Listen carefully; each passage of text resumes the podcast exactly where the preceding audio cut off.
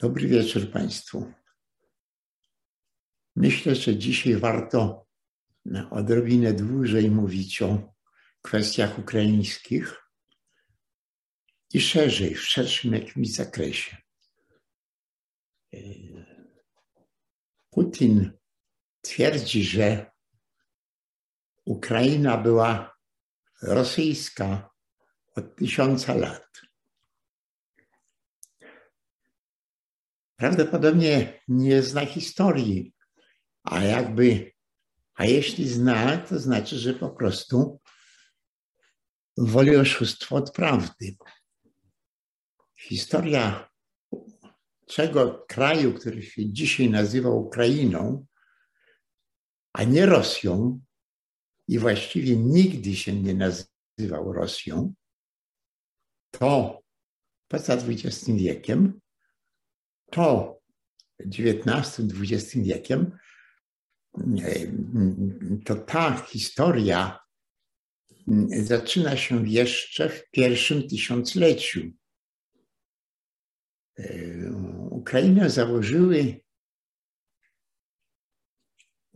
założyli Ukrainę Waregowie, skandynawscy Waregowie.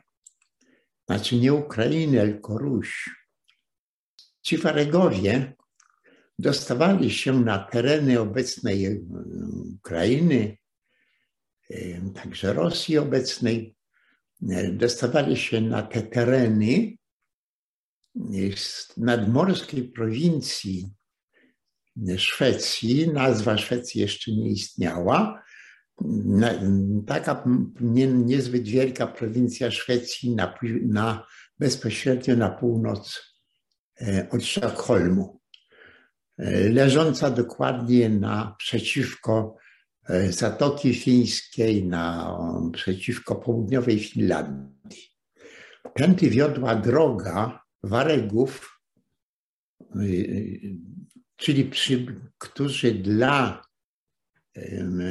ludów mieszkających po drugiej stronie Bałtyku, to ci Waregowie nazywani byli, ponieważ przybywali z prowincji, która, która się nazywała już wówczas Rusland, to oni bez względu na to, jacy byli, nazywali się Rusami. Ta nazwa przyszła razem z Waregami. I, i, i Waregowie najeżdżali ze Szwecji, właśnie z, tego, z tej prowincji Rusland, na drugą stronę Zatoki Botnickiej, właściwie cieśniny, która zamyka Zatokę Botnicką, do południowo-zachodniej Finlandii i dalej wzdłuż brzegu do dzisiejszego rejonu wokół dzisiejszego Petersburga, Sankt Petersburga i stamtąd szli na południe.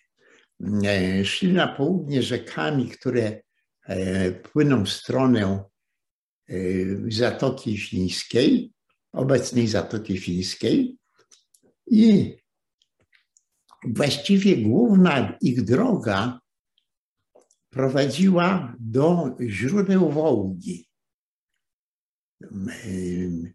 Częściowo prowadziła do Dźwiny, ale za każdym razem zakręcała do Wołgi i przez Wołgę do Morza Kaspijskiego i, i tam mieli już łączność ze starymi bardzo cywilizacjami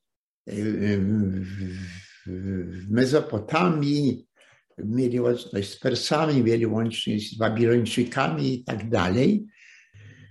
W pewnym momencie jeden z, z tych dowódców wareskich zaczął budować państwo, które dla nich było państwem wareskim, ale które zostało ochrzczone jako Ruś ponieważ ci Waregowie przybywali bezpośrednio z Roslandu. I w końcu VIII wieku e, zaczęto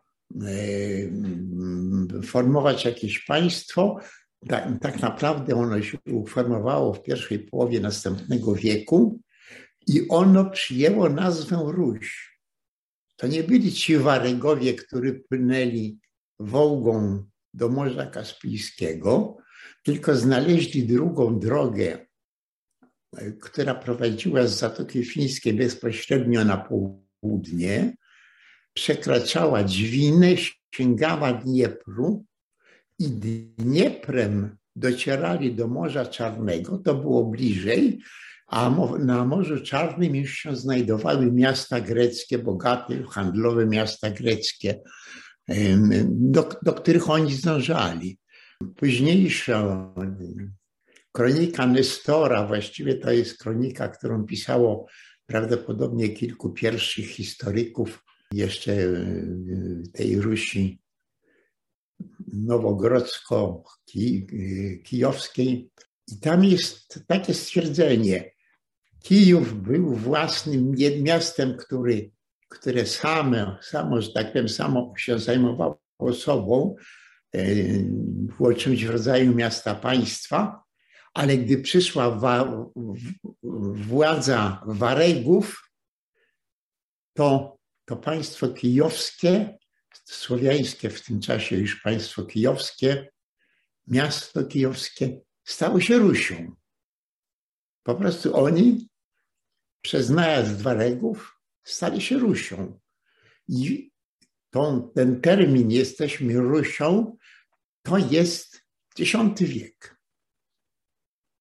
Nikt oczywiście wówczas o żadnej Moskwie tym nie słyszał. Natomiast miasto Kijów było miastem E, handlowym na takiej bardzo ruchliwej w owym czasie trasie, kiedy rozmaite ludy wędrowały z Azji, szukając lepszych warunków, cieplejszego klimatu i tak dalej, wędrowały do Europy. I w to miasto Kijów, które początkowo miało jakieś inne nazwy, było ważnym, ważnym, ważnym punktem handlowym e, na tej trasie z, zachod, z południowo-zachodniej Azji e, w stronę Europy. Z racji swojego wygodnego położenia i, i e, nad Dnieprem i istniejących tam łatwych stosunkowo do przejścia brodów przez Dniepr. Dniepr jest, jest był rzeką trudną do sforsowania i takie odcinki, kiedy się pojawiały tam jakieś brody, które pozwalały przejąć, były bardzo rzadkie. I taki brud y, był w Kijowie i on stworzył, y, stworzył Kijów. Ten Kijów oczywiście, który powstał, nie wiemy dokładnie kiedy. Ukraińcy przyjmują, że, że już w V wieku po narodzeniu Chrystusa może w piątym, może w szóstym. E, nie wiemy, kiedy pojawiła się tak naprawdę tam nazwa Kijów, ale pojawiła się przed, przed, przed przybyciem Waregów i państwo o nazwie Ruś Kijowska trwało od IX do XII wieku. Było to jedno, jedno z głównych państw słowiańskich. Nadeszli ze wschodu Mongołowie, a wśród nich były ludy tatarskie, różne ludy mongolskie, azjatyckie.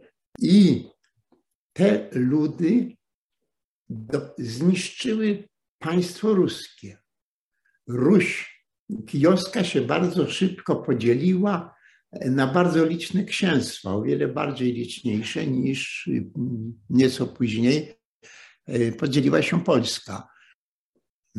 Obszar nad Wołgą, nad Górną Wołgą, e, obszar zamieszkały głównie przez ludy azjatyckie, przez rozmaite e, odmiany azjatyckie, to ten obszar był, miał tylko pokost religijny, który przynieśli tam zdobywcy, czyli książęta ruscy. władcy chcieli schrystianizować tą ziemię zamieszkałą głównie przez kałmuków, przez odmiany kałmuków. Liczne odmiany były kałmuków. Przez takich zachodnich kałmuków, żeby ich skrystalizować, pędzono ich do cerkwi, budowlacy, władcy zajmowali tą obcą ziemię, gdzie nie było żadnego ludu słowiańskiego, ale miejscową ludność zapędzali do, do cerkwi.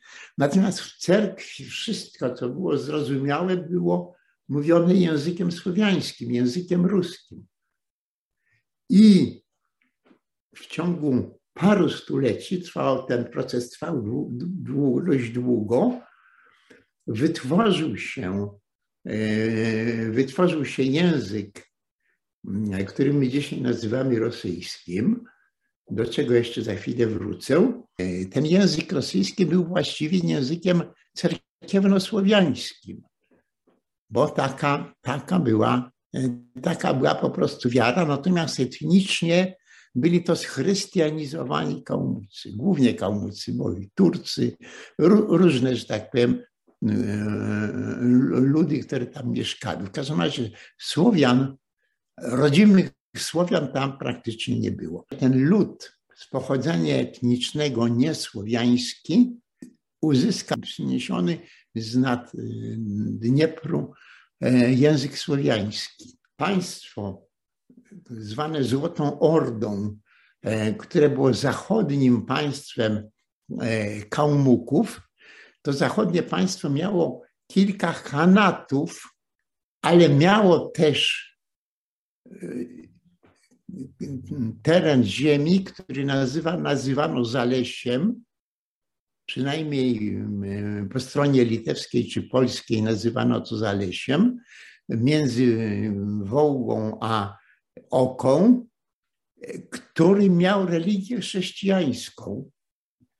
Święci mężowie, e, którzy pustelnicy, którzy tworzyli e, tą religię, w poważnej mierze byli niepiśmienni. Oni nie znali, oni nie, nie, nie znali Pisma Świętego, prawda? Słyszeli coś o tym i po swojemu, że tak powiem, rozumieli e, to wschodnie chrześcijaństwo. Stąd ta odmienność chrześcijaństwa moskiewskiego. Dopiero Iwan III stworzył samodzielne państwo słowiańskie, tylko że mające ludność, która została językowo, stała się językowo słowiańska, ale y, i religijnie stała się też słowiańska, wschodniosłowiańska, ale etnicznie w ogromnej większości nie była słowiańska. Iwan Srogi i jego następcy, zwłaszcza jego wnuk Iwan IV Groźny, zbudowali to państwo moskiewskie jako carstwo moskiewskie. Określenie to carstwo właściwie e, było pochodzenia tatarskiego, e, e, natomiast carzy, tych carzyków tatarskich było sporo, natomiast oni to równali z tytułem cesarza który występował w zachodniej Europie. Istniało to państwo, które było państwem moskiewskim, oficjalna nazwa, żadnej innej nazwy nie mieli, aż do czasów Piotra Wielkiego, który na początku XVIII wieku postanowił stworzyć prawdziwe takie cesarstwo i ogłosił powstanie Cesarstwa Rosyjskiego. Skąd się wzięła słowa, wzięło, wzięło słowo Rosja, którego, którym się wcześniej nie, nikt nie posługiwał, z bardzo prostej przyczyny.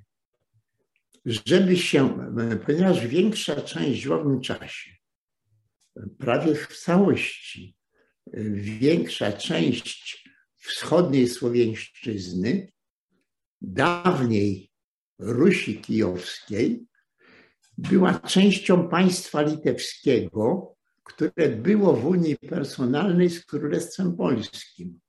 I Piotr nie mógł się nazwać księciem ruskim, ponieważ Rusini mieszkali na terenie w owym czasie księstwa litewskiego.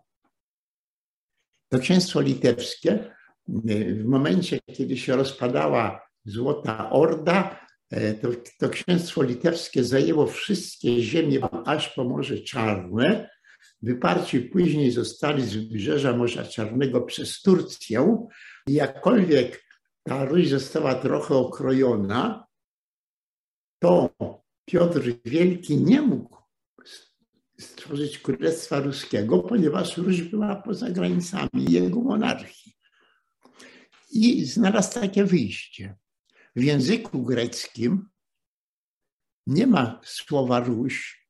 Ono jest przetłumaczone na słowo Rosja. Rosja, Rosja, Rosja, Rosja, coś takiego. I on został carem Rosji, carem państwa, które się nazywa Rosja. I to, I to państwo powstało dopiero w latach, na początku lat dwudziestych XVIII wieku.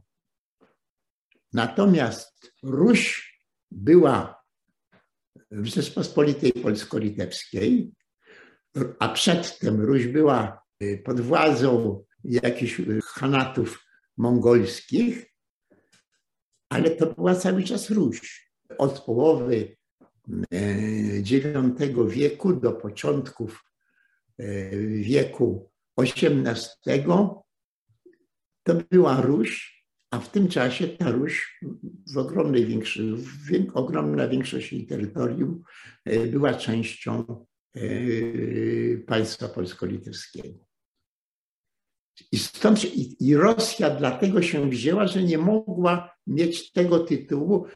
Król Polski, tytula, tytulatura, tytulatura króla polskiego była następująca. Król Polski, wielki książę litewski, ruski, pruski i tak dalej. Tam o Zosie mi było tych dalszych określeń. Piotr nie mógł się nazwać władcą ruskim. Musiał wymyślić sztuczną nazwę, którą wziął z języka greckiego. Czyli mówiąc inaczej, Rosja to jest wiek XVIII, XIX, XX. No i ten początek XXI wieku. Przez jakiś czas, przez 70 lat nazywała się e, Sowietami, Związkiem Sowieckim, a nie Rosją, prawda? Rosja była częścią Związku Sowieckiego. Do nazwy Ruś mają, bo tak się nazywały, mają prawo Białorusi, Białorusini, mają prawo Ukraińcy, nie mają prawo ludzi zamieszkałe na terenie Wielkiego Księstwa Moskiewskiego. Czyli jeżeli ktoś chce powiedzieć, e, że Ros Rosja e, to jest od tysiąc lat e, państwo ich, to jest oczywista nieprawda, bo ta nazwa została przyjęta dopiero w XVIII wieku. Wcześniej w ogóle nie była znana, to jest to nazwa sztuczna. Teraz, kiedy Ukraina stała się Ukrainą? Państwo litewskie obejmowało, jak mówiłem, ziemię aż po Morze Czarne. Wybrzeża później odbili Turcy, ale w każdym razie rozwijało się bardzo szeroko na, yy, na południe. Na południe od, od Prypeci, na południe od Palasia, na, na południe od, od Polesia, te ziemie nazwa, na, zaczęto nazywać, one leżą u kraju państwa, u kraju państwa litewskiego. I teraz z tego le, ziemię u kraju, to dopiero gdzieś na przełomie, na, czy na początku XVI wieku, dopiero wtedy stały się Ukrainą. Przedtem nikt tego nie nazywał Ukrainą. Rosja też tej nazwy nie, nie przyjęła aż do czasów Związku Radzieckiego.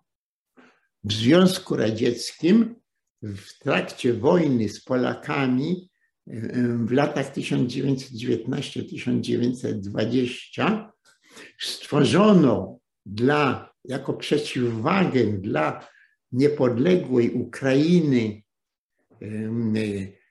na czele której stał wielki ataman Petlura, i która była już w pewnym momencie znalazła się w sojuszu z Polską, to jako konkurencję tego podczas tej wojny założono na wschód od Charkowa inną Ukrainę, Ukrainę sowiecką, Ukrainę komunistyczną. A po traktacie ryskim, kiedy została ustalona ta granica międzywojenna e, polsko-sowiecka, to dopiero wtedy Rosjanie cały ten obszar e, zachodni e, umieścili w Republice Ukraińskiej. Putin mówi o tym, że Ukraińcy, nie ma narodu ukraińskiego, że oni wszyscy są Rosjanie. Od kiedy oni są Rosjanie? W XVIII wieku byli w Rzeczypospolitej. To nie była Rosja. Kiedy się zaczęła prawdziwa Ukraina rosyjska, to znaczy wcielona do państwa rosyjskiego? Jeszcze Piotr II zniszczył taką kozacką republikę, e, która mi pokłosie wojen z Chmielnickim, takie państwo kozackie, które mieściło się po wschodniej stronie Dniepru, po zachodniej stronie Dniepru to były ziemie Rzeczpospolitej. To ten, ten kawałek Ukrainy zagarnął Piotr II i ta granica trwała prawie cały XVIII wiek. I dopiero po pierwszym rozbiorze Polski, rok później i e, w traktacie pokojowym między Rosją a Turcją, zawartym w takiej miejscowości Kuczuk Kainardzi, to wtedy dopiero Rosjanie dostali od Turcji, przejęli ziemię na zachód od Dniepru, nadmorskie ziemie między Dnieprem a Ture, które były tureckie. Te ziemie tureckie między Dolnym Dnieprem a Dolnym Dniestrem. Przesunęli granicę z Dolnego Dniepru rok po pierwszym rozbiorze Polski. I teraz roz, ten zagarnianie Ukrainy, a w jakiejś mierze rozbiór, pierwszy taki rozbiór Ukrainy, następował w tym samym czasie, w którym następowały rozbiory polskie. W tym czasie Rosjanie w Polsce w latach 1772 1795 w trzech rozbiorach zagarnęli Polskę, ale w tym samym czasie w innych rozbiorach zagarnęli najpierw ziemie ukraińskie poza Krymem, później zajęli Krym i wreszcie już na początku XX wieku zajęli Besarabię, czyli zajęli wszystkie te ziemie południowe. I nie stworzyli żadnej prowincji oddzielnej ukraińskiej, wręcz przeciwnie, tępili taką nazwę. Natomiast wszystko to były, to były ziemie Cesarstwa Rosyjskiego. Czyli od, i Polska, i Ukraina zostały po prostu zagarnięte przez Rosjan w tym samym czasie. I Polska, i Ukraina odzyskały suwerenność też w tym samym czasie. Ukraina nawet wcześniej, ponieważ Ukraina ogłosiła się niepodległym państwem już na początku 1918 roku, a Polska się ogłosiła niepodległym państwem w listopadzie tego samego 18 roku. W związku z czym jaka, jaka, jakakolwiek gadanina, y, że jest to odzyskanie jakichś takich ziem pra, prarosyjskich, jest po prostu nieprawdziwe. Państwo ukraińskie istnieje od przełomu IX i X wieku po, narodzeniu Chrystusa. I nazywało się od początku Rusią, później stało, było częścią Litwy, po Unii Lubelskiej e, znalazło się w Koronie i pierwsza zdobycz, pierwsza zdobycz rosyjska to jest zdobycz Piotra II e, Zadnieprza, ale właściwa zdobycz rosyjska to trwa w tym samym czasie, co ich zdobycz w Polsce, e, to znaczy w końcu XVIII wieku, poczynając od lat 70. do lat 90., czy nawet do początku, do początku XIX wieku. Rosja po prostu nie ma żadnych historycznych praw do Ukrainy. Żadnych historycznych praw do Ukrainy. Ma tylko podbitą prowincję, a podbita prowincja nie daje praw historycznych. I jeszcze jedno. Kiedy Ukraina była naprawdę niepodległa? Naprawdę niepodległa była wtedy, kiedy nazywała się Rusią Kijowską, aż do początków XII wieku. Później została zniszczona, wymordowana przez najazdy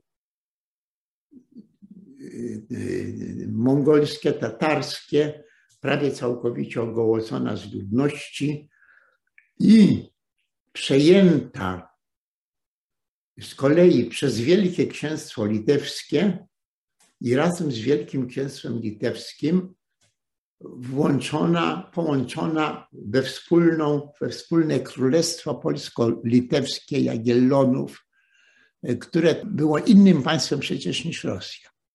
Innym i, i, i znacznie ważniejszym państwem niż Rosja.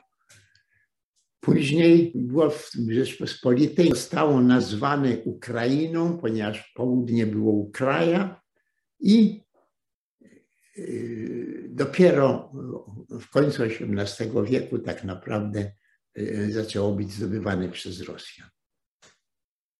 To jest z krótkimi okresami, z krótkimi okresami niepodległości. Przy czym najdłuższy okres już w tych czasach najnowszych, w XIX-XX wieku. W, tym, w XIX wieku w ogóle nie było państw, żadnego państwa ukraińskiego. Istniało Królestwo Polskie no, przez 15 lat prawie że suwerenne. Natomiast w XX wieku państwo ukraińskie istniało tylko kilka lat między rewolucją w Rosji a traktatem ryskim, który niestety oddał większość, większość Ukrainy, e, oddał Rosjanom. Współczesne państwo ukraińskie, które trwa 30 lat, jest najdłużej trwającym państwem w całym tym okresie po 1770 roku. I jeszcze jedna kwestia, o której chcę powiedzieć. Mówi się w Polsce, jest to dość typowe także dla części dziennikarzy, że nagle nie wiadomo dlaczego Ukraińcy stali się wrogami Rosji, że nie wiadomo dlaczego Ukraińcy stali się przyjacielami Polski, że nie wiadomo dlaczego, nie czekając na decyzję czy to rządu, czy to opozycji, w państwie polskim społeczeństwo polskie otwarło ręce i serca dla Ukraińców. Ukraińcy zaczęli, już jest ich ponad 700 tysięcy w Polsce, ale Ukraińcy zaczęli uciekać do Polski wcześniej niż rząd polski, wcześniej niż opozycja polska otwarła dla nich drzwi. To Polacy, nie rząd, nie opozycja. To Polacy nagle tysiącami, setkami tysięcy, milionami otwiera, otworzyli, otworzyli drogę, jedyną, główną drogę, gdzie mogą chronić się Ukraińcy. Z czego to się stało? Niektórzy publicyści, niektórzy politycy nie wiedzą. Jedni wiedzą, ale, ale chyba są w mniejszości. Ale chyba są w mniejszości. Ukraińcy przez jeden długi okres byli częścią narodów Rzeczypospolitej. Narody Rzeczypospolitej w całym tym czasie cieszyły się pełną wolnością. tą, tą, z tej wolności przede wszystkim oczywiście korzystała szlachta, ale tą wolność odczuwały wszystkie warstwy w Rzeczypospolitej. A tych warstw było dużo. I najważniejsze grupy etniczne, które były w Rzeczypospolitej, to byli po kolei Polacy, Ukraińcy, Białorusini, Litwini, Żydzi, a dość liczną grupą byli Niemcy. Zamieszkali, zamieszkalni, mieszkający w Prusach Królewskich, obejmujących także Pomorze Gdańskie. I teraz te lata, te, wie, te stulecia, kiedy te narody żyły w wolności, kiedy nikt nie, nikt nie, nie powiedział, ty jesteś Ukraińcem, bo taki jest naród. Tylko każdy, jak ktoś powiedział, ty jesteś Ukraińcem, to znaczyło, że mieszkasz na Ukrainie, a ty jesteś Mazowszaninem, bo mieszkasz na Mazowszu. A ty jesteś krakowiakiem, bo mieszkasz w krakowskim, a ty jesteś podhalańskim góralem, bo mieszkasz na Podhalu. A ty jesteś Litwinem, bo mieszkasz na Litwie. Albo jesteś Niemcem, bo mieszkasz na Warmii. Nikt im nie, powie, nikt im nie powiedział, że jesteś innego narodu. Wszyscy byli członkami tego samego narodu Rzeczypospolitej. I mieszkali w różnych jego częściach, które miały różne nazwy, ale wolność była wszędzie. I ta podstawowa wolność. Ja mieszkam w Białej Cerkwi, właśnie u nas na Ukrainie, bo jestem obywatelem Rzeczypospolitej. Ja mieszkam w Elbing, w Prusach Królewskich i mówię po niemiecku, ale jestem senatorem Rzeczypospolitej. Ja mieszkam w Pucku, mówię po niemiecku, ale jestem senatorem i to bardzo ważnym senatorem Rzeczypospolitej. Po prostu była to wspólnota nie etniczna, tylko wspólnota polityczna, połączona wolnością. I ta wolność została, trwała wystarczająco długo, żeby trafić do genów. Te społeczeństwa, które chwilami skłócone z sobą, ale to już jest właściwie druga połowa XIX wieku. E, te społeczeństwa, e, które miały tam, mogły mieć między sobą poszczególne kraje, poszczególne części Rzeczypospolitej mogły tam pozostawać w jakichś y, poważniejszych czy słabszych konfliktach. Ale wszystkie miały poczucie wolności własnej, naszej po, po, poczucie w Rzeczypospolitej, niezależnie od tego, czy mówili po niemiecku, czy mówili po żydowsku, czy mówili po żmudzku, czy mówili po litewsku na, na rzeczem z okolic Wilna. I to się znalazło w genach. I jeżeli pytamy o, ta, o odpowiedź, dlaczego Ukraińcy tak masowo walczą z Rosjanami? Bo bronią wolności. Bo bronią tej wolności, którą mają w genach. W ukraińskich genach. W genach Rzeczypospolitej dawnej. A Rosjanie nie mają tego. Czy Francuzi mogą tego nie zrozumieć, bo tego nie mają. Ta, ten związek różnych grup etnicznych w państwie wolnościowym, ten związek trwał prawie przez cały wiek XIX. Podczas powstania styczniowego żmudzińska party, żmudzińscy partyzanci śpiewali po żmudzku jeszcze Polska nie zginęła. A mieszkający w Krakowie ludzie, etniczni Polacy mówili, ale ja to jestem Kraku, Krakus, a ty też niby etniczni Polak jesteś Ukrainiec, bo mieszkasz na Ukrainie, ale to je, tak jakbyśmy dzisiaj powiedzieli, ja mieszkam w Radomiu, a ty mieszkasz w Tomaszowie Mazowieckim. Stąd wziął, wziął się opór ukraiński. A skąd się wziął ten spontaniczny ruch polski, który wyprzedził jakiekolwiek decyzje rządowe, jakiekolwiek decyzje podjęte przez, przez, yy, przez opozycję. Politycy się zastanawiali, jak to wszystko zrozumieć, a ludzie, społeczeństwo rzuciło się masowo na pomoc Ukrainy.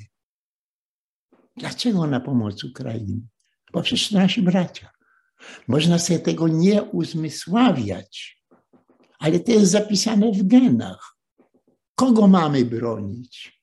Owszem, mieliśmy jakieś kłótnie między sobą, nawet bardzo krwawe, ale przecież jesteśmy tą samą społecznością. To jest źródło i tych procesów, które obserwujemy dzisiaj w Polsce, i tych procesów, które obserwujemy dzisiaj na Ukrainie. I nie wystarczy powiedzieć, bo oni pamiętają e, terror stalinowski. Terror stalinowski był, minął, wiele rozmaitych terminów minęło, a termin, a, a, a, a E, terror Paskiewicza. No, nawet jak się dzisiaj mówi o terrorze Paskiewicza, to przeciętny Polak nie wie o co chodzi. Jeszcze parę lat upłynie jak się powie o e, jakimś terrorze rosyjskim na Ukrainie, to, to ci Ukraińcy też nie będą bardzo wiedzieli o co chodzi. Ale wiedzą jedno, oni byli wolni, oni albo są wolni i oni tej wolności będą bronili. Tak samo broni się dzisiaj Kijowa, jak w 1944 roku broniło się Warszawy. Skąd się wzięła Warszawa walcząca przez przeszłe dwa miesiące, ponad dwa razy dłużej niż mocarstwo, Francja, broniła się przeciwko Niemcom. Dwa razy, ponad dwa razy dłużej. Kto?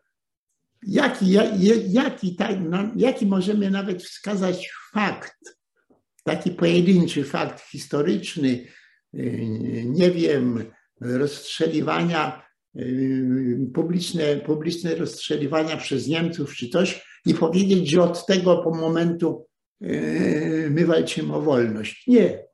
My walczymy o wolność, bo mamy to w genach. Ukraińcy walczą o wolność, bo mają to w genach. W tym samym czasie straciliśmy swoją wolność na przełomie XVIII-XIX wieku. W tym samym czasie próbowaliśmy po I wojnie światowej odbudować własne państwa. To się Polsce udało, a Ukrainie nie. W tym samym czasie broniliśmy się przeciwko sowieckiemu imperium, które i Polskę, i Ukrainę zmusiło do uległości. Ale duch wolności pozostał. I ten duch wolności ożył dzisiaj. Duch powstania warszawskiego żyje dzisiaj w Kijowie. Żyje dzisiaj w Kijowie. Polacy wspierają, a jest wielu takich, którzy bardzo chętnie poszliby bronić e, zbrojnie Ukrainy. I zresztą już jakieś takie oddziały się zaczynają formować. Tak więc nie dziwmy się, skąd się Ukraińcy stali tak, za, tak, tak gorącymi obrońcami własnej wolności, wolności, dlaczego Polacy pośpieszyli od razu z pomocą. Ja, ja wiem, że dzisiaj to jest zupełnie niezrozumiałe. Tylko, że jakkolwiek niezrozumiałe, to tkwi w genach. I dlatego Polacy, i dlatego Ukraińcy są znowuż z sobą. Polacy i Ukraińcy wiedzą, dlaczego się bronią, dlaczego pomagają, dlaczego walczą i dlaczego zwyciężą. Dziękuję Państwu.